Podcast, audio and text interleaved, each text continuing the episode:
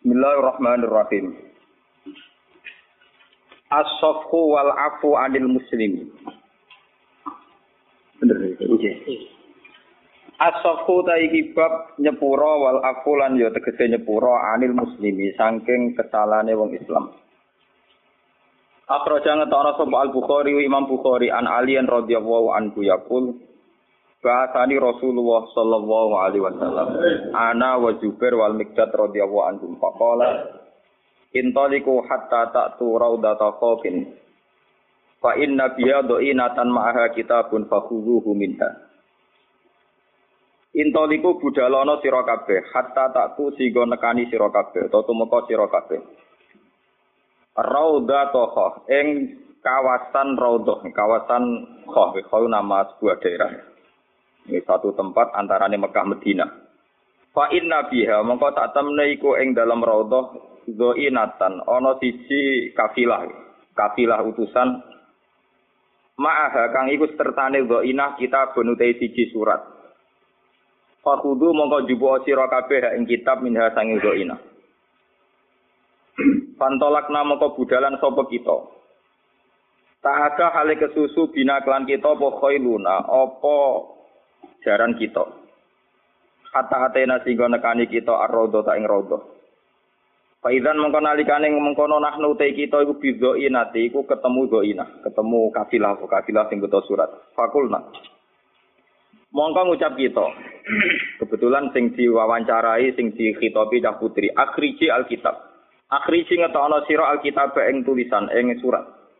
Fakolat mongko ngucap sapa imro'ah wong wedok wau mama iyu, te surat iku ora tak gawa ingsun. Fakulna mongko ngucap kita. Latuh krijinna yektine ngetokno temen sira alkitab ing kitab. Awlanul kiyanna utawa yektine bakal cara Jawa ngudani kita utawa buka kita ati aba ing pira-pira pakaian. Qal fa akhrajat hum dawa sapa rawi fa akhrajat mongko ngetokno sapa imro'ahu ing kitab min iqasiha saking bundelane kitab atau saking nggon simpenane kitab. Fatena mongko nekani kita atau mongko nyewakno kita bi iklan ikhlas kita Rasulullah sallallahu alaihi wasallam. Faizan mongko nalikane mengkono fihi ku tetep dalam kitab utawa ana penjelasan ngeten utawa ana kejadian ngeten. Min Khatib bin Abi Balta'ah radhiyallahu anhu sangka Khatib bin Abi Balta'ah ila nasin maring manusa bi Makkah. Minal musyrikina saking pira-pira musyrik. Yuk biruhum nyeritakno sapa Khatib Subhanallah. Hum ing ikilah ahli Mekah tiba di Amir Rasulillah kelawan sebagian urusane Rasulullah sallallahu alaihi wasallam. Pakola mongko dawuh sapa Nabi ya hatiku hatib mahada mau te apa hadza utawi iki. Pakola ya Rasulullah mongko dawuh sapa hatib ya Rasulullah la takjal aliyah. La takjal amun kesusu panjenengan aliyah ing atase ingsun. Ini saat temen ingsun niku imro'an niku siji wong. Ini kuntu imro'an. Ini saat temen ingsun kuntu ana sapa ingsun imro'an iku wong utawa sebagian wong. Mulsikon kang parek banget fi Quraisyin ing dalam suku Quraisy. Ya aku lu ngucap sapa khatim ngeten, kuntu ana sapa ingsun khalifah niku bersekutu. Kula niku bersekutu kalian tiang Quraisy. Tapi walam aku lan ora ana sapa ingsun min anfusiha itu subhanallah. Iku setengah saking dinasti Quraisy. Wa kana lan ana sapa man wong maka kang sertane panjenengan nal muhajirin sing pira-pira sahabat muhajirin. Man lahu korobatun, man tegese ana wong lahum kang tetep kedeman korobatun te pira-pira unsur kerabat. Yahmuna kang iso jaga kabeh biha sekalian sebab karobat ahlihim ing keluargane ikilah al muhajirin wa amalahum lan dunya-dunyane muhajirin. Fa ahbabtu mongko seneng sapa ingsun idza fatani dalika. Nalikane pot ni ingsun apa dalika mengkono-mengkono kerabat. Minan nasabi saing nasab fihim ing dalam ikilah kuras an attakhida ing ento ngalap ingsun ing dalem ana ing sandinge kuras utawa nggih kuras ngoten mawon yadan ing siji ikatan. Yahmuna kang gelem jaga sapa wong kuras karabat ing kerabat ingsun. Walam afal lan ora nglakoni ingsun ku ing ikilah perkara nggih ku ing ikilah cara saniki koalisi atau mitraan irtidad dan khalif nu manane mitraan ta koalisi. Irtidad dan ing murtad antine saking agama ingsun. Wala ridon lan ora krana ridho bil kufri kelan kekafiran badal islami sause islam. Pakola mengko dawuh sapa Rasulullah sallallahu alaihi wasallam ama innahu qad sadaqakum. Ama ilinga ya innahu sak temne Allah taala qad teman-teman benerna sapa Allah kum sira Pakola mengko dawuh sapa Umar Umar. Sayyidina Umar usul ya Rasulullah, gani adrib unuka hadal munafik.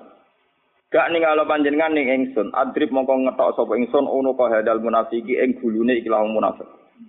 Pakola mongko dawuh sapa Nabi innahu syahida badrun. Innahu saat temne Khatib bin Abi Balta iku syahida nyekseni sapa Khatib badrun ing perang Badar.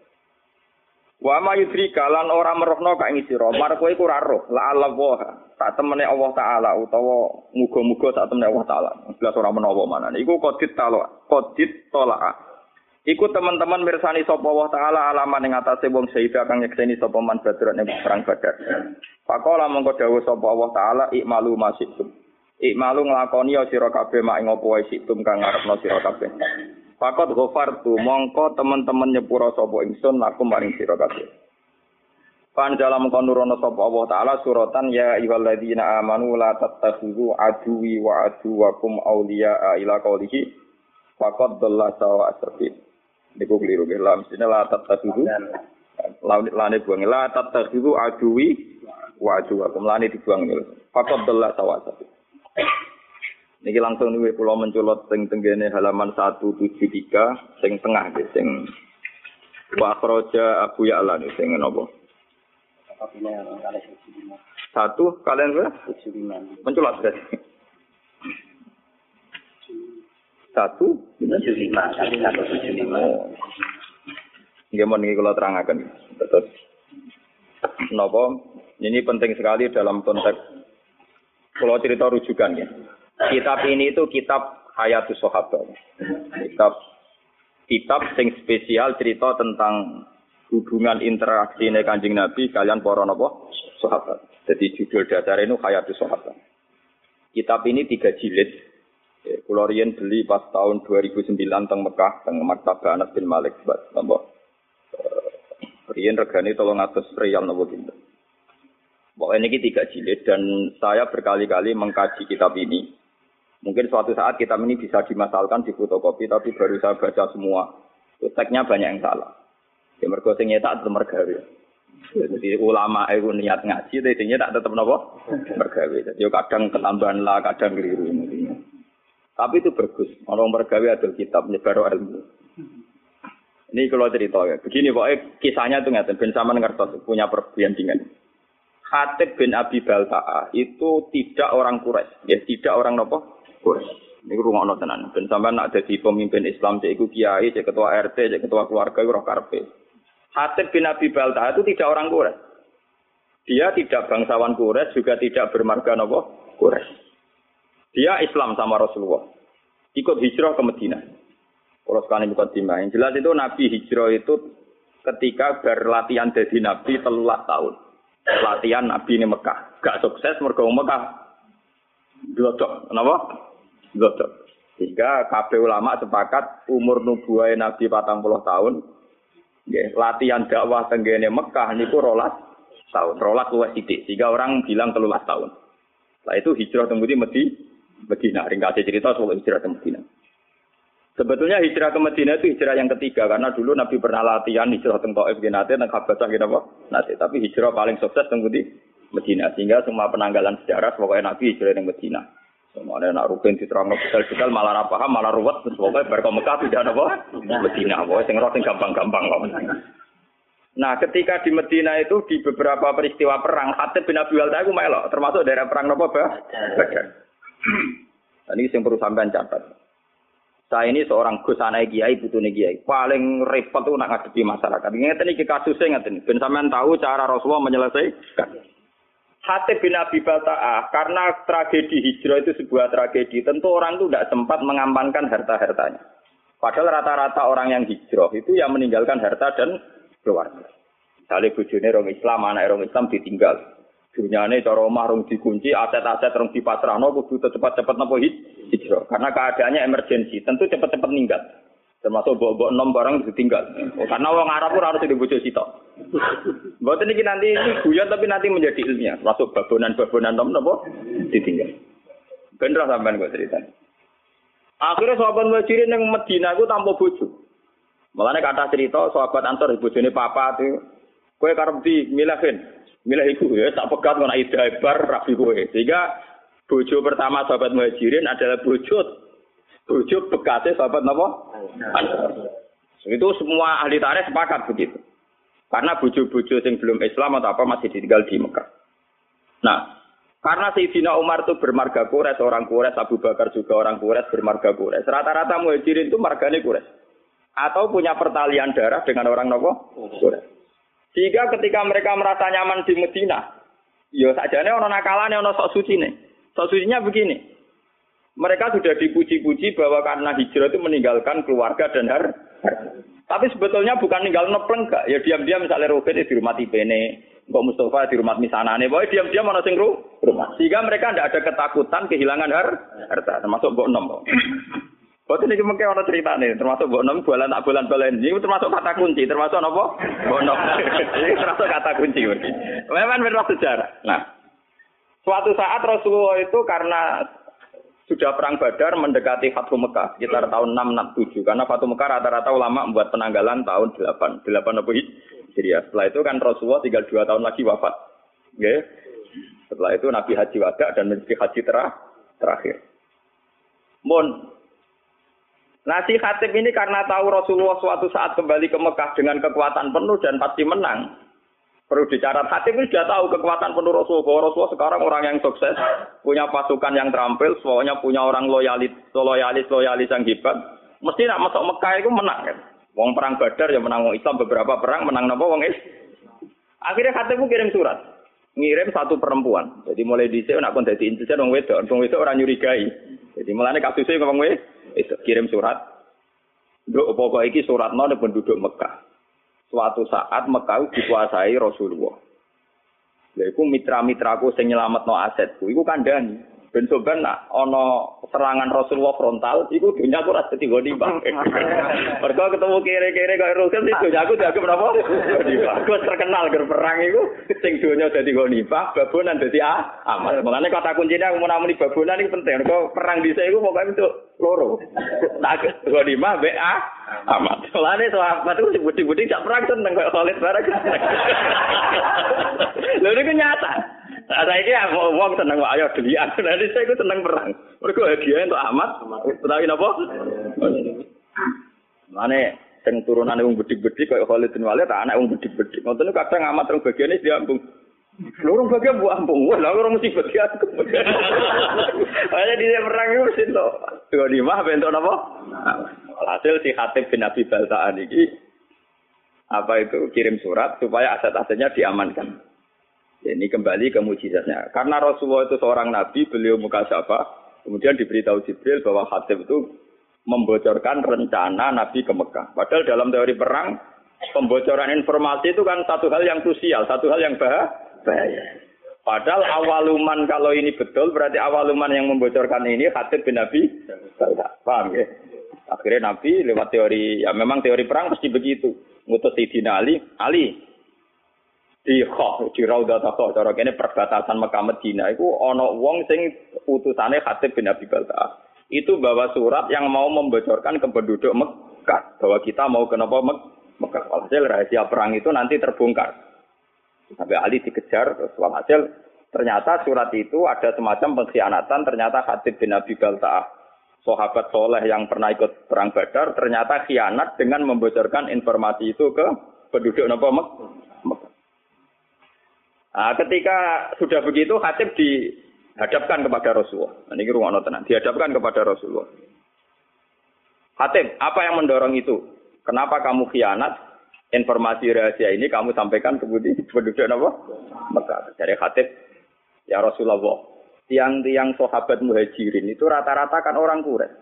Jika harta dan keluarga mereka terlindungi karena mereka bagian dari orang Kalau saya ini tidak orang Quraisy, jika saya harus punya mitra orang-orang kures untuk melindungi harta-harta saya. Ya. Karena tadi kalau ada teori perang tentu hartanya nanti jadi goni. Umar karena melihat si Khatib ini khianat dari Umar, yaitu model Umar mantan mantan preman. Ya Rasulullah Khatib sudah munafik, bunuh saja. Kalau engkau mengizinkan, Khatib, Khatib mau saya nopo? Ini yang perlu saya catat ngaji di sini penting itu dawe Nabi. Dari kaji Nabi, Marco itu roh pengira. Aku sih roh pengira. Aku roh pengumumane pangeran sapa wong sing melok perang Badar dosane di sepuro. Malah pangeran video pengumuman ikmalu masih itu fakot gofartu. Laku wis kowe kelakuan mau oleh pokoknya wis disepu, disepuro. Umar kan meriah. Ternyata khotib pun karena khotib itu tahu melok perang badar. Jadi dia melok untuk pengumuman ikmalu masih itu fakot gofartu napa? Laku. Wes wae kowe disepu. Karena juga ada adil kan pangeran misalnya sing mati dia mati syahid terus sing mati ra sepuro kan ya ora lucu padha perange kok. Paham ya? Jadi siapa saja yang perang Badar tentu untuk pengumuman untuk untuk satu hadiah ikmalu masih itu fakot gofar tuh lakum wes kelakuan mau apa wae wong melok perang Badar tetap nopo disepuh disepuh. Nah ini yang menjadi catatan sejarah itu begini, gini kira ngono tenan. Dalam Fathu Mekah ini mau kembali ke 6. Mau yang sok suci kan Sayyidina Umar. Mereka apa baca khatib karena dianggap membocorkan apa infor. Sama yang tak ceritani. Poso el yang dilakukan toreko-toreko sing tukang poso setahun ini. Ini nggak setahun ini. Masih kurang suwe tolong tahun. Setahun gue suwe malah nopo. Poso el itu udah ada sanat sampai Rasulullah. Secara ilmiah ada ada sanatnya. Bahkan zaman Nabi Sugeng itu jelas-jelas melarang la siyama liman somal abad. Tidak boleh uang poso nurut inti tahun. Jadi dulu larangan betul poso setahun. Oke, jadi poso setahun riyen dilarang Rasulullah. Wis Ramadan to sampai kadang nak umat ya Senin Kamis, nak umat ya Asyura, sing mesti ku nak wis kadung dadi kiai ya bebo poso napa? Durunge Adha itu napa? Karena Arafah nggih. Arafah. Aku ora tau poso dadi ra. Pas saya khawatir kakek gak jarah. Kulo niku mergo ape kulo niku ape cerita poso sunat itu trauma kanca kulo. Niki kisah nyata kulo niku kanca jenis Sukron. Jadi yo latihan nyai pidato pas Idul Fitri Man soma Ramadan summa atba'u sitan min Syawal maka ana soma daro napa kula. Pokoke melepok pokoke fadile poso 6 dina tau. Apa? Barang hari kedua ketiga tamune cek poso dek ora poso. tamune mau lugu-lugu wong awam. Ih, jebule jenengan bodoh niku lho. Kula foto arep jenengan jebule jenengan gak poso. Dene leng kula kapok wong iso suci. Ning tuan kula wis kula arep jenengan kapok. Jebule banyak umat sing poso niteni. Pos sing do foto 6 dino do sowan dene. Syukrane rokokan tenang. Iki jebule jenengan bodoh niku lho. Kula men foto-foto ana jenengan jebule jenengan gak poso. Akhirnya tuan kula kuwapok kok Gus. Kula ngiyi tenanan kuwapok. Akhirnya saiki wis ger pidato fadilai mulang ngono. Jadi kula ge ngoten ning titi ngomong fadilai mulang. Misale kula wiridan kalah Mbak Mustofa. Nyabari melarat kalah Mbak Ruhin. Misalnya kalau cerita Fadilatus Sobri alal fakri, saya tetap kalah berukan. Wong kalau tidak ada reputasi fakir teman-teman. Mulai kisah nyata. Ini kurang tenang. Yang perlu dicatat, Umar ini balik tentang foto dalail. Ketika sulhul Hudaybiyah dan ada masalah besar perjanjian, ini masalah taring, makanya saya ulang-ulang. Ketika sulhul Hudaybiyah antara Rasulullah dan kafir Quraisy, itu ada perjanjian-perjanjian yang merugikan umat Islam. Gini ku saat itu kata orang-orang kafir, Mas kamu boleh tawaf, tapi tahun depan. Kamu nggak boleh mempengaruhi orang Mekah supaya masuk Islam. Kalau sampai ada masuk Islam harus kamu kembalikan menjadi kafir lagi. Tapi orang Islam yang menjadi kafir, rasa balik nomat, macam asal usulnya kah? Kafir. Kurang ajar maksudnya. Umar marah-marah, ya Rasulullah, bagaimana mungkin perjanjian ini ada terima, sementara semuanya merugikan umat Islam. Ini perbatasan Hudaybiyah. Yang perbatasan apa? Hudaybiyah. Ini rumah tenang. Muatat Umar, ya sok suci muatat. Mumpun kaji Nabi, perang mawon timbang ino. Timbang apa? Ino. Dari kaji Nabi. Ora marung, aku rene niat umroh. Padahal niku Nabi niate napa? Umroh. Aku rene niat umroh ora niat perang. Karo dene ora nggawa alat perang, Mar. Lah sing lucu, mereka di Nabi ya tahu disangsikan sampai belum pernah Sayyidina Umar bantah Kanjeng Nabi dan menyangsikan kenabiannya Kanjeng Nabi kecuali dalam peristiwa Hudai. Kanjeng Nabi yo duwe seni. Walhasil Kanjeng Nabi itu ketika mendekati Hudaybiyah itu Nabi kita senyum-senyum seneng. Nabi ya aneh, itu seni. Kita senyum-senyum. Tak kau ibu Umar ya, Abu Bakar. Ya Rasulullah, kenapa engkau kelihatan sumringah senang? Barusan tadi malam. Lakot unjilat alaiya laylah suratun ahabbu ilayya mimma tolati samsu. Aku bantu surat yang informasi ini itu sangat menyenangkan. Oh, aku luwes seneng timbang dunia saya isine. Nah, termasuk surat itu latat khulunal masjidal haroma insyaallah aminina muhallikina napa ruusakum wa mukos sirin gini ku surat fatah bahwa orang Islam dijamin masuk Masjidil Haram aminina dengan keadaan sentuh Sahabat itu seneng, wah iki kasil tenan informasi kok Nabi kan gak ngarah salah. Wah kasil tenan iso tawaf, iso mek. Ternyata usul Hudaybiyah ada prob problem. Nih rumah orang itu Hudaybiyah ada apa? Problem. Umar di kesempatan. Lu jenengan dhewe sing critono ayat nak kita bakal latat kuruna Masjidil Haram insyaallah ah, amin. Kok malah kejadian yang ngeten ra iso mlebu-mlebu Mekah. Nah, Nabi cek jawab aja. Ya tapi ayat iku ora muni taun iki, Mar. tapi ning ayat iku ora ono taun iki, Mar. ya Pak Umar iku, Umar Umar kotom iku sing ada wong tenan. Wes, gak terima deh, takut Abu Bakar. Abu Bakar jawab ngono. Abu Bakar malah lebih elek cakeme. Ya tapi kan ini Allah, Mas. Coba ini cerita, saya kan ngerti bahwa sahabat itu mangsa menurut sapi antri dan ada problem-problem sosial. Latat kulun nal masjid al haroma apa? Insya Allah tuh kalau gue nak ngiyai mesti enak, kok enak enak. Ya kan orang jaminan saya iki. Betul kan, lah repot. Nak sobede ra barbar kan. Yang tim mati tenan. Nah ini walhasil terus. Ya itu Umar saking mangkel di luar kendali sampai keterucut meninggal ketika informasi itu di luar dugaan dia kan nafsirkan kalau aminina ya sekarang gitu, kenapa? Ternyata tidak jadi sekarang. Jawab Umar sampai Nabi ditanya gini di luar kendali. Alas tak Rasulullah, tapi engkau tetap Rasulullah dan masih Rasulullah. Wah, aku kok nabi kaget. Maksudnya, biasanya nggak informasi kan cos Nah kali ini merasa berarti alas taruh. Jangan-jangan kau sudah ada Rasulullah. Umar saking dari Nabi ya gak emosi. Ya ya tetap Rasulullah. Lah semua informasi dari engkau mesti bener. Iya mesti bener. Lah tapi kenapa ada jadi masuk Mekah sekarang? Ya mergo ora tahun ini karena Nabi jaganya mergo ora jaminan. Tadi walhasil Nabi menerima konsep Sulhul Hudaybiyah dan akhirnya Nabi kembali ke Madinah tanpa terjadi um umrah. Sampai dua tahun kemudian baru terjadi nopo. Nah itu Sayyidina Umar akhirnya nyari anto poso dalan. Buar ini Madinah ini sempat. Jebule ngotot bantah Nabi dia ora kangen Ka'bah. Duwe bodoh kowe. Jadi dia ngotot bantah Nabi ora kangen Ka'bah. Munamuni apa tuwa ora ono pikiran tuwa ora ono. Mergo kangen mbok enom semisuwi ra dikumpul. Saiki wis itu gerbang mek Mekah le yo gara-gara kangen kok nopo kok aku bantah Nabi ngantek ngono, paham ya? Terus dia sumpah-sumpah pe poso setah setahun. Mulane poso setahun niku sanate dalil ila Umar radhiyallahu anhu. Iku ngaparoi ngempet mbok enom. Nganti bantah sinten? Mulane terus dadi mitos nak foto dalil nyebur dosa. Mergo dosa bantah Nabi kelebur, mulane dosa ringan-ringan kapan. Niku ceritane. Sehingga Umar lah awaluman sing mensyariatkan poso napa? Gara-gara mangkel. gara-gara mbok nom wae dekne bantah kanjeng Nabi modho ning Ka'bah kok tidak sithik meneh kangen toa kan ning teke dhewe ora ono kamu toa ora ono kamu toa mboten en lah niki balik teng Khatib bin Abi Balta Khatib ini pula juga di mbok nom di keluarga paham ya Nah, malah ini kulo ini yang kaitan dengan saya dengan para anak-anak kiai. Mesti sing waras sing mikir agama. Niku memang kesulitan. Misalnya saya ini hafal Quran, saya ngapalkan hadis. Sampai sekarang saya masih belajar, masih berburu kitab. Ya, masih berburu kitab. Dan saya menikmati belajar agama, nikmati mulan.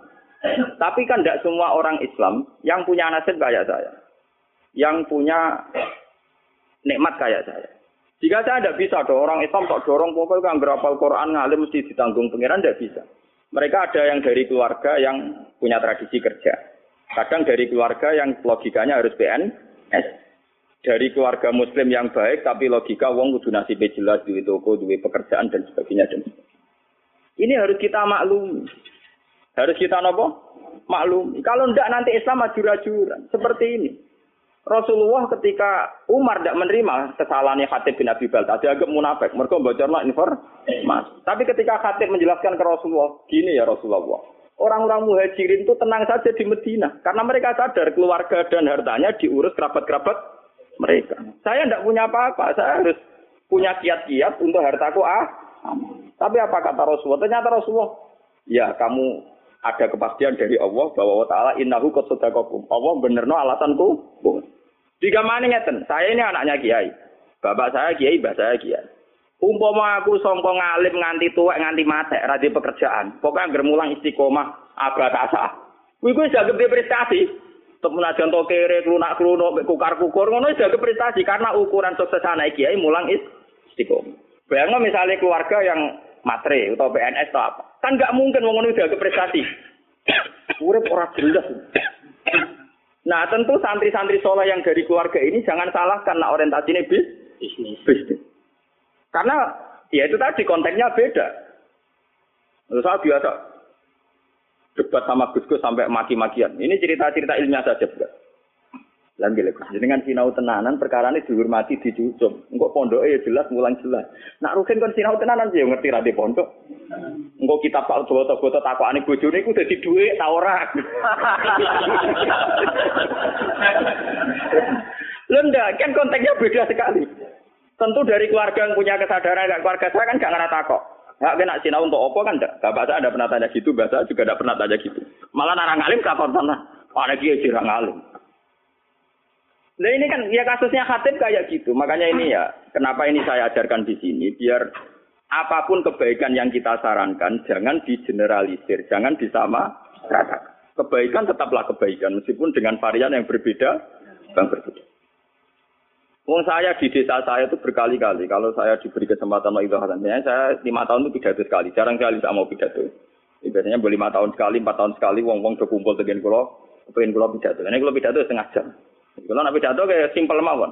Soal jenis anu saya dan dan pengajian sing saya, buatan gitu saya, sing turu gitu saya, sing tengah-tengah gitu saya. Wong Islam itu gampang. Itu tak ceritani wali sing turu turun. Jadi ini Asia ono cerita lucu. Ono wali nak rino ku poso, nak wengi niku tahajud. Wes salat sunat apa dilakoni poso model piye napa? Dia karena merasa suci karena amalnya entek ngamek. Dia golek saingan wali. Ya Allah, apa ada wali yang setingkat saya? Ternyata pengiran di tutoro wali semen turu. Iku ngilir bedak so, sholat. Gak terima, jadi saya wali di tukang turu gak terima. Jadi ini cerita nyata. Ya Allah, gimana mungkin orang yang turah-turu orang-orang mau tanginnya bedak sholat fardu, derajatnya sami kalian ku, kulo. Ya nara nara paham yo takok gampang to. Takok. Jadi wali sing tukang turah-turu takok. Eh, kowe kok iso sederajat mbek aku perkara ini. Lu ngaku ibadah rino poso bengi tahajud. Kok kowe turah-turu sederajat ambek ah? Aku. Dari wali sing turu. Lah iya, kowe rewangi ngono tujuan mesti sitok. Ciri utama agama itu satu. Ini ku takwa. Dan ciri utama takwa itu satu ninggal masih maksiat. Dan tidur tuh paling efektif ninggal nopo maksiat. Wes aku poso langgar ning pasar tetep bekar-beker kayak. Kowe poso langgar mlaku mlaku tetep ora wedok ora rodo ora perawan ora macam-macam. Tetep bersih aku aku ning kamar terus aku mau Angsal korong-korong pokoknya. Eh bisa. Wes sak aku tanam delok wedok mbek aku tetep bersih aku. Wong ning kamar tuh ora. Piye ciri utama takwa ning maksiat dan turu paling efektif. Sadar wali sing waduh, pinter tenan iki. Yo lho iki ilmu maksudnya apa niru ya kena ya ora kena maksudnya cerita ilmu. Tapi itu memang nyata, tentu orang tidur lebih tidak berisiko mak maksiat. Ya ya ini cerita, ciri utama takwa ninggal maksiat dan tidur paling efektif ninggal nopo maksiat. Meriang kok wali sing tukang ibadah. Iya, aku yo ya mau kamar aku asli ngempat ngempat kira usah ngempet, ngempet apa ning kamar. Paham ya? Ini satu perbandingan. Terus selama ini kita kan misalnya lagi senang pengajian. Wong ngono pengajian kok ora kono keapian kok gak teko. Padahal dalam pengajian itu kita pasti bilang, ngrumat anak iku ibadah, ngrumat ibu iku ibadah. Lah sing anak di pengajian malah wis saiki nglakoni saranem iku ngrumat anake mbok ning omah. Paham? Mulane kiai-kiai sing balik kula kandhani. Kita ini ndak fair. Karena kita senang pengajian, kita jadi mubalik terus bilang ono pengajian barang apik kok ora teko. Padahal dalam pengajian itu kita tetap ngomong ngrumat ibu iku apik, ngrumat anak iku apik. Lah ngomong sing teko malah wis nglakoni iku. Mergo saiki ning omah rumah anak. Lho ini saya kiai, lho saya ngomong gitu biasa di depan umum. Bagaimana mungkin wong sing wis ngaplikasekno ilmu malah mbok kritik? Paham ya? Mulane kula nak tenaran nggih biasa cerita, sakniki sing teng sawah mboten ngani pengajian kula nggih saya wong sawah golek nafkah niku nggih sarane kiai, sarane Islam. Sing sakniki teng omah ngemat anake nggih saya iku sarane kiai, sarane Islam. Mungkin punya resiko secara nafsu yang datang nggak banyak, tapi kita harus gentleman bahwa itu ya kebaik, kebaikan. Memang butuh kiai nekat kayak saya yang nggak butuh populer. Tapi harus ada ulama yang nekat kayak saya supaya kebenaran itu terjaga. terjaga. Makanya di Ikhya itu ada kitab Fadilatul Kasbi, ada bab Fadilatul Kasbi. Itu dan saya berani ngomong gini di desa saya pun saya berani. Suatu saat Rasulullah itu ngaji dengan para sahabat. Itu Rasulullah, buatan terima kiai, buatan terima balik. Rasulullah, sing dua Islam. Jadi orang terima balik, orang terima kiai. Ya, nabi ngaji. Nah, mesti ya, ngerti kiai di santri sing kota-kota, Mustafa Mustafa. Wah, santri sing kota-kota ini kan mesti ekstrim. Ono canom, awake kekar, gua pacul, tenang ya, no ngaji diliwati ya, tenang ya. Apa ini kebun kurma? Tenang. Ya liwat ngarep Rasulullah tenang. Lah si pemuda-pemuda tadi sing melok ngaji kan. Ya Rasulullah, canommu cek kurang ajar. Wes enom kuat awake cek gak gelem ngah. Cek rugine wong iku ana Rasulullah ngaji kok gak melok. Dari apa jawaban Nabi? Kamu jangan bilang demikian. Dia itu kerja untuk nafkahi anak istrinya. Dan itu ya ajaran saya. Malah dia itu nggak tahu ajaran. Lu itu nabi, malah saya tambah yakin. Jadi aku Muhammad nabi tenan. Enggak mau balik. Makanya ribet. Jadi dia tidak mau balik, enggak kiai, enggak ada nafsunya sama sekali. Paham ya? Memang butuh hati gede loh, ngomong itu butuh. Butuh hati gede. Karena kita tetap ngaji, manjan goblok ya ben ngaji kok. Tapi ini cerita, kita ini tidak usah membakukan satu kebenaran satu dua. Mungkin nanti sih kudu ngalim takdir. Apa sing rapati ego, rapati ngalim tapi amen pidato sing maslahat gawe masjid, urusan bangunan. Lan aku yo coba melok-melok lek malah ra aku malah repot. Lah padha sing aku ngaji malah melingkar kabeh maknane malah. Ini kan urusan pembagian apa tuh? Makanya Sayyidina Umar disalahkan oleh Rasulullah. Kamu jangan begitu. Ternyata Khatib bin Abi Balta punya pertimbangan tertentu. Umar sing sok suci tadi ternyata pertimbangannya bondo. terus dia mau wangkel abe awake dhewe terus foto nopo adalah go ngaparoi bantah Nabi demi mbok bondo. Semenjak niku terus dalail jadi syariat. Mulane sanad dalail sebenarnya terputus sampai Umar. Jadi yang persisnya adalah el foto setahun terputus sampai sinten Sidina Umar. Bahwa kemudian ada hadis umum tentang Umar. Ini kok alaikum bisunnati wa sunnatil khulafair rasyidin al mahdiin abdu alaiha bin nawati. Jadi sebenarnya kalau persisnya poso setahun itu hanya sampai Umar, paham ya? Karena Rasulullah melarang poso nopo tahu. Tapi karena Umar punya pikiran tertentu untuk mengkafaroi dosanya, itu sah, sah adanya. Ya tentu menghindari yang haram-haram kayak ayam mutasrek terus nopo Idul Fitri tanggal satu ya itu kan itu pakem ya kayak kayak gitu-gitu terus sebagian ulama nambahi ayam musak, ya musak kayak tanggal binten antara 30 dan nopo tapi itu sebagian ulama sebagian dia ini tenang mau mereka jadi kado jadi orang ulama yang mengharamkan puasa ya musak berarti tanggal binten 30 atau 29 sebenarnya yang potensi jadi tanggal satu Roma lah ulama sing mengaramno aku setuju. Setuju kula iku ben malaikat iku jelas. Saake malaikat menyang agak diharamno. Saake malaikat begini, kita-kita ini kan misalnya tahu falak ya. Sekali satu Ramadan itu kan harus puasa atas nama Ramadan. Kalau orang yang biasa adalah eh tidak pernah jeda dan itu terjadi sak, misalnya orang silap Ramadan itu apa Senin apa Ahad, orang masih nopo silap. Tentu aturan pakai kan etmam. Etmam misalnya nunggu selesainya 30 sak. Ya, 30 hari ya, minggu tiga puluh hari. Ketika itmam selesai kan dia mau tidak mau harus bagian dari Ramadan. Tapi itmam kan juga ada masalah. Sekarang fakir-fakir modern itmam itu ada masalah. Masalahnya gini, Pak. Misalnya saya meyakini Sakban itu sudah itmam 30 hari. Itu masalahnya kan penanggalan satu Sakbannya saya misalnya akan. Coba bagi orang yang awal nanggali Sakban itu Senin. Itmamilah kan yang mundur gitu. Paham ya? Makanya di fakir-fakir modern sekarang, istilah Ramadan ditoleransi sampai empat. Itmam itu tidak menyelesaikan masalah karena kalau ngitungnya dari sabar sudah beda, Paham ya? Selama ini kalau kiai kiai pidato kan hanya cerita, lo nak bingung yo gampang, pokoknya Pak Milu data saban salah Cina Yoman. Loh, tapi salah Cina Yoman yang awal sabarnya besok, paham ya? Yo mungkin loh, paham mas Abu ya? Salah Cina Yoman saban jebule sing sitok misalnya Mustafa ngitungnya akad, sing rugen ngitungnya sen, senen. Tak tetap ekmalilah mundur kan? Nah, Orang yang biasa gak poso kayak aku gak bingung no malaikat. Karena jelas catatannya bahak ra poso, bahak poso. Karena sing biasa poso dalail malaikat iki iki dicatat bagian dalail apa Ramadan kan. Paham Jadi kadang wong ibadah ora diperhitungan saking malaikat. Mergo niki bingung no. Mulane rata-rata ulama, jumhurul ulama mengharamkan yaumus sak Aku cocok. Wah, ana poso sekarang lu cocok. Mergo ya mergo ora usah poso niku maksudnya. Mergo ora usah napa? Poso. Loh karena memang membingungkan. Nah, sebagian ulama mengatakan ya baik cerita ilmiah ini masih cerita sahabat, termasuk zaman sahabat kata Ibnu Abbas, kata sahabat-sahabat yang hati-hati. Ya sahabat riyen wonten sing alim gede, kados kula niki kathah. Alim tapi di perhitungan, kok seneng sing haram-haram poso seneng. Mergo wis ora poso untuk ganjaran. Mergo ciri utama haram nak ninggal kan ibadah.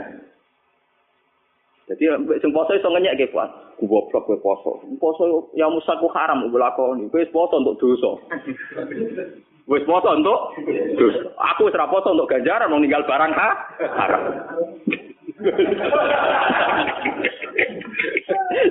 menangan tenan kalau seneng. Ana ulama darani ya musaki poso haram. Jadi sing nglakoni poso dosa napa ibadah? Dosa. Sing ninggal ibadah ganjaran apa? Mana aku seneng mbek ulama sing haram.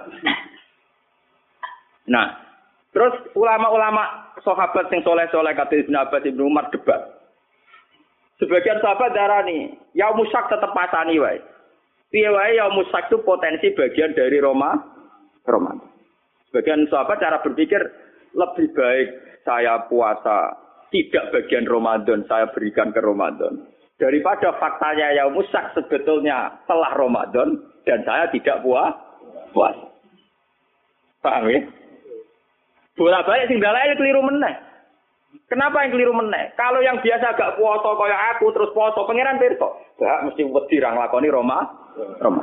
Oh. Tapi nek sing biasa dalail, rutinitas to ora? kan mergo mlebu ning rutini potensinya salah lagi. Mulane ana ulama sing nyiasati dalah elu kon nilangno, kon ninggalno sedurunge rong dina ya mus. Mergo yang ngoten niku resiko napa? Resiko antara rutinitas dengan meyakini bagian dari napa? Nah, bola balik nak dua pendapat ekstrim di fikih biasanya sing ketiga terus nakalan. Sok bisa tapi aslinya nakalan, mergo untuk pendapat loro. Paham ya, agak tunggal tengah-tengah mergo ora melok debat. Nah, terus ana ulama sing ketiga cerita khusus bagi mereka sing duwe adat poso. Cek dalail, cek Senin Kemis, ketika hari rutinnya puasa jatuh pas barengan yaumus maka tidak jadi haram. Tapi sebenarnya masalah itu tidak selesai. Kalau tidak jadi haram itu mewakili Ramadan, itu mewakili adalah, eh, tetap nggak ada malaikat PR, tetap saya tetap nggak ada malaikat apa? PR. Paham ya? Dan itu dulu zaman sahabat itu sudah diperdebat, berdebat. Bon kalau malah kita cerita kitab. Jadi Khatib bin Abi Balta itu punya masalah sosial yang beda dengan para kebanyakan soha. soha. Jika harus dimaklumi. Sama seperti saya sekarang roh rasanya jadi kiai itu ngoten. Kalau kita tidak punya pondok salaf sing spesialis ngalim wong tahqiq, yo ora wong ngalim tahqiq. Soale pondok nak kurikulum, golek wong alim tahqiq kange kan. Tapi ketika kowe anti ijazah, yo repot. Tidak semua santri kepengen ngalim tahkik karena dari keluarga yang tanya ijazah, ijazah. Dan sebagian santri ya setelah kepengen ngalim tahkik. Pokoknya itu ijazah, mau mau mondok salah lah tetap alim tahkik. Nah jenisnya ini rangel rumah tarik. Misalnya kalau rukun ya alim tahkik ya ijazah. Mungkin kau banyak wangi terus. Yang orang reputasinya sudah gitu. Dan itu masih lemong tua nih kira-kira nggak boleh nol ya sudah. Ya sudah kebaikannya dia, suksesnya dia ukurannya bermodok untuk Ya sudah gitu. Kita tidak bisa maksa orang kebanyakan. Oh pondok ikut bisa moto Bukhari, Muslim. Ya kadang kita hanya misalkan pokoknya sholat madem ngulon, kita enak salam yang ngalor sih, ya sudah. Sudah pakai ukuran-ukuran gitu. Paham ya? Ini penting kalau aturakan. Ternyata Rasulullah piyambak cara pandang begitu. Hatib bin Abi Bata dimaklumi karena setiap orang pasti punya kodrat, punya insting, punya fitrah untuk melindungi harta dan dan keluarga. Paham ya? Sehingga ketika Hatib bin Abi Balta akan dianggap mengkhianati Rasulullah, dimaklumi oleh sinter Rasul Rasul. Umar yang sok suci begitu dalam konteks khatib, ya, dalam konteks khatib, ternyata beliau juga punya kesalahan dalam sulhul Iya. Ternyata di neraka kangen Ka'bah, kangen bon, bon. Wan yo. Mas kalau aku dolan ning kanca, ya pangeran yo pirsa dolan ning kanca silaturahim. Sebagian yang dari wong judes ning omahe. Iku rahasia umum pangeran pirsa. Niat silaturahim mbok kadare piro. Tapi nak ngendari jatah blojo karuan. Timbang itu itu mari tukaran ibu ibu silatur. Mau nak bojo sore kan biasanya separatus setan hilang mulai. mulai bojo wis sadar. Kok itu pak kok ketok ketok oh, ngaku ngaku. Jajal munculnya setengah itu itu keranyam. Banyak kebaikan sing subhat ini mirang-mirang. Kebaikan sing apa? Subhat. Sawangane kangen Ka'bah. Jebule plesir ngono wae. Jadi ini terbelit masalah korupsi. Kurung-kurung nak nimul tajam, dongo mustajam. Nak menawa bebas kok korupsi, moro Ka'bah. Jadi Ka'bah delok-elok, delok-elok. Nak menawa iso nyapati, terus bebas engko napa? Terjerat napa? Ini Ka'bah kayak kaku hati, ngadepi wong ngono. Ya itu kan sudah gitu itu ya kayak kasus Siti Umar kok tadi. Umar wong soleh tenan dikafari poso setahun apa ngomong gelem. Hmm. Paham ya, ini ben sampean ngertos. Kenapa saya milih kitab Hayatus Sahabat ya? Kalau kitab-kitab tasawuf kayak hikam, kayak ihya, itu dikarang orang-orang yang sudah dekat Allah tapi tidak mengalami kasus sosial yang nyata. Beda dengan Rasulullah, beliau seorang sufi, seorang ahli ilmu hakikat, tapi ngadepi konteks sosial yang berbeda, beda-beda. Dan beliau harus dihadapi. Oh, itu kan ngeri betul. Beliau atas nama pemimpin besar dan atas nama profesional urusan militer, informasi memang nggak boleh bocor. Jika beliau serius sekali ngutus sahabat untuk menangkap utusannya Khatib bin Abi Bal. Dan itu kalau dalam teori militer bisa dibunuh Khatib itu. Karena membocorkan informasi. Itu secara teori militer. Tapi Rasulullah kan tidak hanya militer. Tahu teori militer. Beliau juga seorang nabi yang pemaaf. Jika atas nama nabinya beliau harus memaafkan. Berarti beliau sudah melakukan dua hal atas nama teori militer harus mengamankan informasi gak boleh bocor sehingga Rasulullah ngutus sinten Ali untuk mengamankan surat sing rahasia. Tapi atas nama Nabi beliau harus memaafkan. Bagaimanapun kesalahan itu tidak kesalahan fatal. Beliau itu kan tidak gampang. Ketika sama dari kiai. Di satu sisi pelaturan bodoh harus ditegakkan. Bocah nyolong kudu diboyong misalnya. Bocah pacaran sing nemen kudu diboyong. Nah tapi misalnya kita koi pangeran Pak Yai. Lu tak ada dene kiai ben dadani wong, ngira wong dadani malah mbok boyong. Ora coba dadani wong mbok boyong. Memang itu menjadi perdebatan para kiai. Sampai sekarang semua kiai, kiai-kiai soleh yang saya temui itu punya nurani mesti paradoknya di situ. Lah ya Gus, Gus, pondok ora pelaturan ya mungkin. Tapi ketika pelaturan dieksekusi secara ekstrim, itu ya ora kia. Ya. Saya ini kecil saya mondok di pondok besar itu saya pernah ketua pengurus. Itu paling Pernah suatu saat misalnya ada anak itu maling diboyong. Ketika diboyong ketemu ibunya, kebetulan bapaknya itu di sawah. Wah bagus betul teng pondok maling. Mungkin anak kula dibuat kalian bapak. Wong kula pondok, no kula mun ngertos anak kula tukang nyolong. Dadi kula pondok no ben mari. Lah nek boyong terus nyolong terus mau. Dan itu ngomongnya seorang ibu yang tulus. Kula tuh pun ngertos Gus, nak penyakit anak kula niku nyolongan. Mulane kula pondok no ben mari. Piye ora cukup. Kan tidak mungkin pondok tanpa pelaturan. Pelaturan tidak apa-apa terus kan tidak mungkin. Tapi ketika terlalu ekstrim menerapkan itu, terus kemudian kapan kita terbiah? Kapan kita memperbaiki manu? manusia? Nah, pada kurikulum saya nanti bayar bar. Sekolah kurikulum sebenarnya kan aturannya lebih jelas. Jadi kriminal atau orang, nah kriminal dilapor polisi, biasa mode, mode. Ya sudah begitu. Lah Rasulullah itu yang ngalami kayak begitu. Termasuk ini cerita seterusnya ini yang enggak masuk di fotokopi tapi kalau terangkan. Suatu saat ada orang pencuri. Ini kalau tertakan sing di halaman 173 gitu. Yang enggak ada di jaringan tapi tulis saja 173 Hayatus Sahabat juz 2. Juz 2 nih. Suatu ketika itu ada orang mencuri. Ini rumah tenan. Ketika mencuri dilaporkan ke Rasulullah karena sudah memenuhi syarat dipotong tangannya karena melebihi seperempat tempat di dinar. Itu sama Rasulullah itu ketika diputuskan bahwa ini mencuri betul, saksinya juga betul-betul meyakinkan kalau mencuri betul. Rasulullah sebagai imam memutuskan, tegakkan hak. Ya tegakkan apa? Hak. Tapi ketika eksekutor, cara saniki Al-Bojone mau memotong tangan, Rasulullah itu berpaling. Berpaling fakaan nafi wajihi asabun. Nabi itu susah sekali. Susah terus buang muka terus. Bahkan sebagian riwayat yang memiliki seakan-akan wajahnya Nabi itu ditaburi debu. Sangking tersinggungnya. Nabi kelihatan tersinggung. Ketika para eksekutor mau mutus tangan, Nabi kelihatan tersinggung. Marah. Ngempet marah. Sehingga sahabat-sahabat yang di situ, Ya Rasulullah, engkau itu Nabi. Dan ini khat juga sesuai perintah Quran. Dan engkau juga menyuruh khat. Tapi kenapa engkau kelihatan tersinggung, kelihatan susah? Terus jawabnya Nabi ini, jawabnya Nabi gitu. Pakai fala ahzan, pakai fala abki, wa umati tu kok uben adurikum. Lu aku rasu susah piye iki ku santriku umatku, tangane diketok ning ngarepku kae ora ngregani aku. Akhirnya sahabat-sahabat itu. Ya gampang tuh ya Rasulullah, ya usah diketok. Bapak ya nakal-nakal. ya gampang ya Rasulullah, jenengan sepuro mawon ora usah. Terus jawab Nabi apa? Zaka sultanusu ini kula waca Zaka sultanusu in allazi ya'fu anil hudud. Walakin ta'aful hudud bainakum.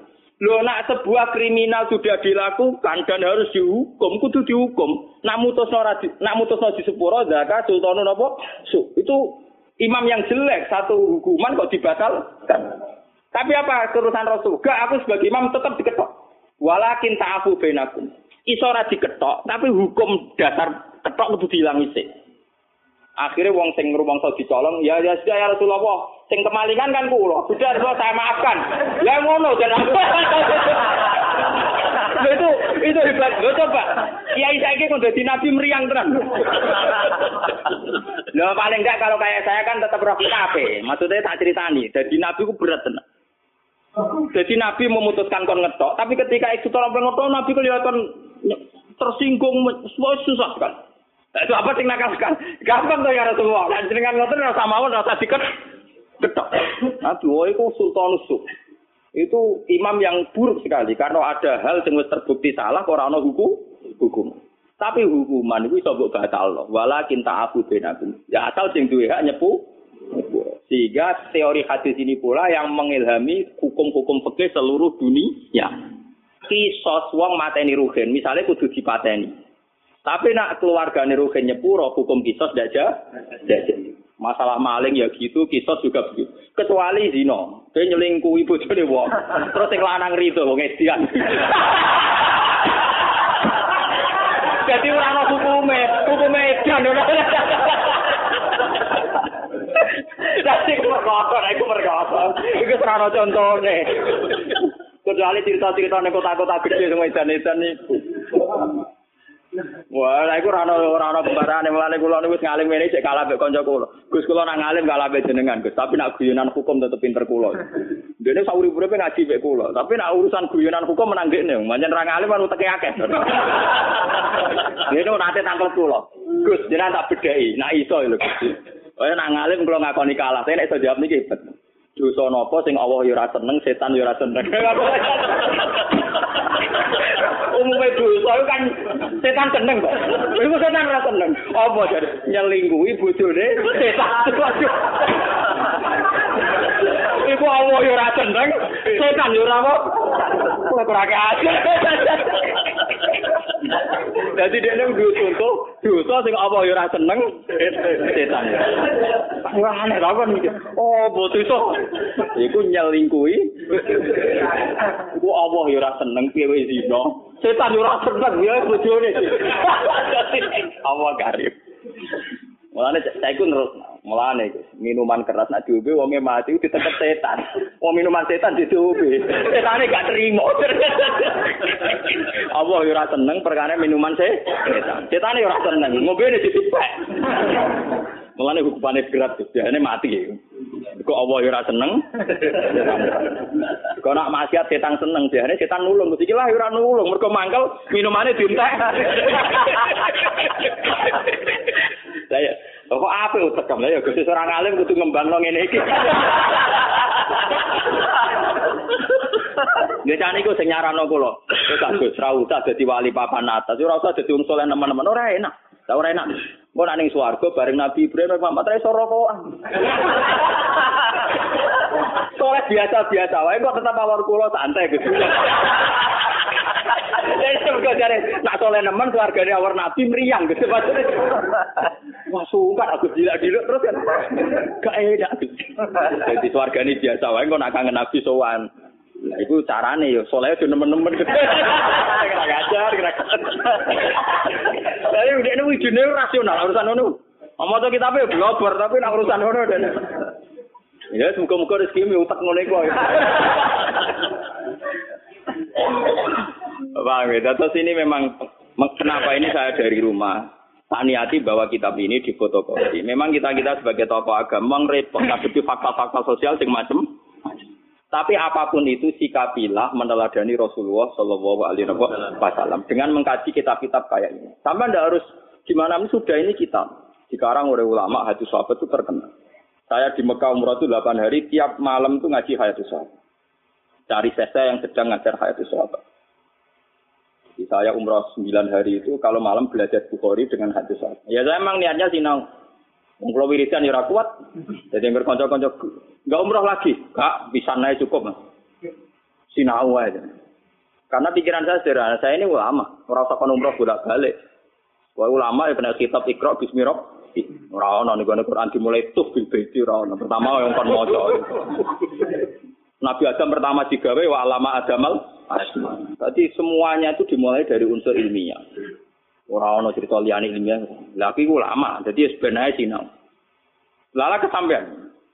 Kabar-kabarnya kalau di depan Ka'bah itu orang tidak boleh bawa kitab karena Wahabi itu ekstrim. Selain yang baca Quran biasanya nopo di juhura. Kalian naskar-naskar.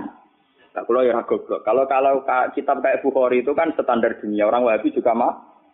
Jadi kalau saya jam 2 itu belajar Bukhari sampai subuh. Ya, hanya gitu kan sepi. Ya karena belajar wong alim itu wakil kan gak boleh rujuk, gak boleh makno. Cara sing belajar Mustafa ya boleh kamus. Mujid gak kena kamus terjemahan. ya repot-repot nanti malah kabar sing bingung piye riwayat. Jadi kalau malam itu belajar jam 2 sampai subuh. Biasanya santri-santri sarang yang di sana ikut ngaji. Meskipun sudah mau di Mekah ya, kalau ngaji lagi sama jenengan, memang dulu muridnya saya ketika di sarangnya ngaji lagi Bukhari. Sehingga saya pas di multazam itu hanya berdoa, Ya Allah, saya ingin mewarisi Rasul engkau yang engkau titahkan, Rabbana wa atihim rasulam minhum, yattu alaihim ayatika, wa yu'allimuhumul kitab wal hikmata, wa yuzaki. Bahwa Rasul Muhammad itu disifati Quran itu hanya tentang ngajarnya. Seorang Rasul itu apa? Rasul adalah orang yang mengajarkan kitab Quran. Wa yuzakihim. Wa yu'allimuhumul kitab wal hikmata wa yuzaki. Sehingga seorang ulama kalau warasatul ambiya, ciri utamanya itu hanya ngajar. Bahwa kemudian wajib haji, nak ditetir wajib. Ini gue gak? Ya kayak kalau mari kadang, mari wah ya repot. Kalau lu cara melarat malah enak mikir kaji. Kadang ditetir mampu nopo? Nah, rukin kalau tak wah kalau ora kepikiran blas wis ora wajib. Oh, tekalek pikir gowo Tapi memang ya, kalau ulama itu watak dasar yang wajib gak bisa dihindari itu mulang. Karena ketika Nabi Ibrahim itu ingin punya anak cucu yang jadi rasul, itu berdoanya Robbana wab asihim rasulam minhum yatlu alihim ayat. Harus agak alihim. Setelah dia alim Quran harus dibacakan ke orang banyak. Kayak saya ini dibacakan ke orang banyak. Yatlu alihim. Jika hubungannya ulama dengan umat, usahakan hanya hubungan ngajar. Dan itu saya praktekkan. Saya di Bojonegoro habis ngajar ya pulang. Di sini habis ngajar pulang. Jarang saya nimah tamu. Sekali ulama di luar mulang hubungan dengan masyarakat, tengah dukun. Sing melarat no jembar ini, sing buka toko ya ben penglaris. Paham ya sing dudo-dudo ya kebenang payura. Itu udah harus ulama sekali bersaya sing nangani ngono-ngono itu, Pak. Selain aku ya ora duwe donga-donga sing iki buka toko, iki buka pom, iki ya ora duwe ngono. Wah, nak sing kiai ngoten wae ono wae dongane. Buka toko ben laris. Istiwa, si bebas, wae akad legi apa kok. Soe wae ono cara-carane opo piye. Mungkin sih ra toko kok ora carane. Ana-ana.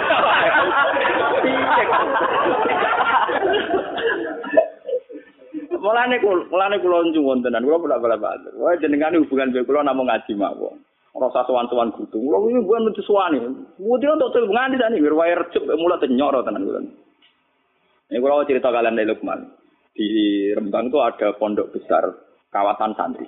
Ini tentang kawasan Sedan. Ini keputusan niku haflah akhir sana ini mudang pulau. Mudang pulau kan pidato itu kata itu.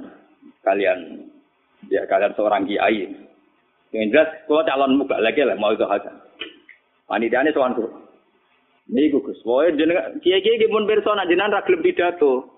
Tapi ini ke dapurun, karena ini sudah keputusan para kiai. Nah, aku kiai akan duduk keputusan kiai malah lucu tuh kira Aku kiai, jadi rawat wajib duduk ke keputusan apa? Kiai. Apa gitu? Panitia, waduh iya selalu. Kalau kita tenang aja berguyon. Aku itu kiai, ya coba intimidasi keputusan apa? Kiai. Jika ada non yang para kiai sing mutus no, dari Gus Bak sendiri juga nopo. Akhirnya ke kapan-kapan ketemu be ketua adik kiai. Wah aja teh cangkem. Wah aku ngundang kowe ra mergo saking takzimku ben yo ben ngomong kene untuk barokah ngalimmu ngene ngene. Aku tuh rabakat rabakat. Nah sebetulnya itu ya baik teman nak sing pun bakat pidato gitu monggo nak rezeki kok menapa. Tapi nak sing kados kula nu ampun diundang. di bang sampean kecewa. Ngono kula balik. Wingi entuk tamu kan situ foto. Gus niki kudu dinan pidato situ foto. Kula pun adu-adu sowan mriki mosok boten jenengan turuti. Jaman kula enak. Eh padha aku nuruti kowe ya para gono madoh to. Kowe ku aneh-aneh. Aduh kon ngregani aku dari situ foto rembang wadol. Lah aku nuruti kowe ya adoh para ning gono. Lah nek mentolo ngel-ngelo kiai imam. Mboten Gus mboten. Nyuwun barokah mawon. Oke, nggih kula kapan-kapan kalian pengurus pondok mriki mon ngaji. Ha ngono apik, waras ya. Dari memang saya itu bukan bapak, ya. artinya ya kalau yang bakat pidato nggih monggo, sing bakat mubalak nggih napa monggo. Tapi sing bakat ngalim yang statistik, yang terdokumen kayak saya sudah begini saja. Biar ada tradisi setiap ilmu itu ada marojek, marojek. Saya itu kalau ngaji saya tahu wong kok rukin ngomong apa ya percaya, umpamanya ra paham. Tapi tetap tak dudono kitabe. Meskipun aku ya ora yakin orang sing takok rukun, Gus mulang kita apa ya ora takok. Tapi secara akademik, standar akademik sebuah ilmiah harus ada rujuk. Dan rujukan harus diketahui kitabnya apa, halamannya berapa. Jadi sama enaknya. Paham ya? Makanya yang bakat kayak saya sudah begini terus. Mungkin sampai mati. Tapi nak mati ini rasu suwe kan ya rasu suwe itu kes.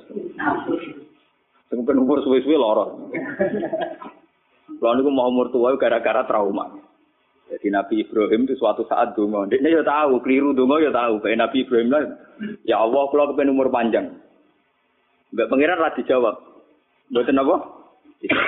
Nabi Ibrahim umur panjang, mbak pengiran lah dijawab. Suatu saat dia ditamu wong tua. Untungnya wis rono, tua nuno nuno. Disugai kormo, benak apa? Anggur, anggur sungguh wabam sing semateng nih. Tiap dipangan meler-meler sebelum. Nabi Ibrahim itu sampun Gusti waktu buka mboten situ. Dene kuatir meler-meler Jadi be pangeran ora dijawab. Ora satu wong tua. Ora ono untune mangan apa? Anggur.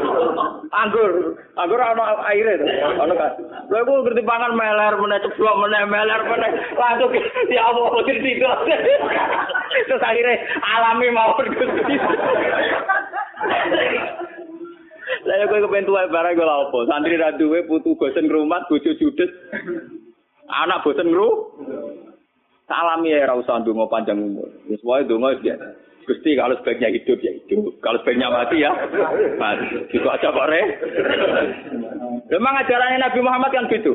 Ah ini makanatil hayat khairan li. Tawafani makanatil wafat khairan li. Dari Nabi kan adungan, ya Allah hidupkan kami kalau hidup itu lebih baik. Matikan kami kalau mati itu lebih baik. Gampang bahasa ini urusan pengiran itu gampang. Malah ngajari pangeran, kepengen umur nopo? Wow, kepengen nak mangan meler.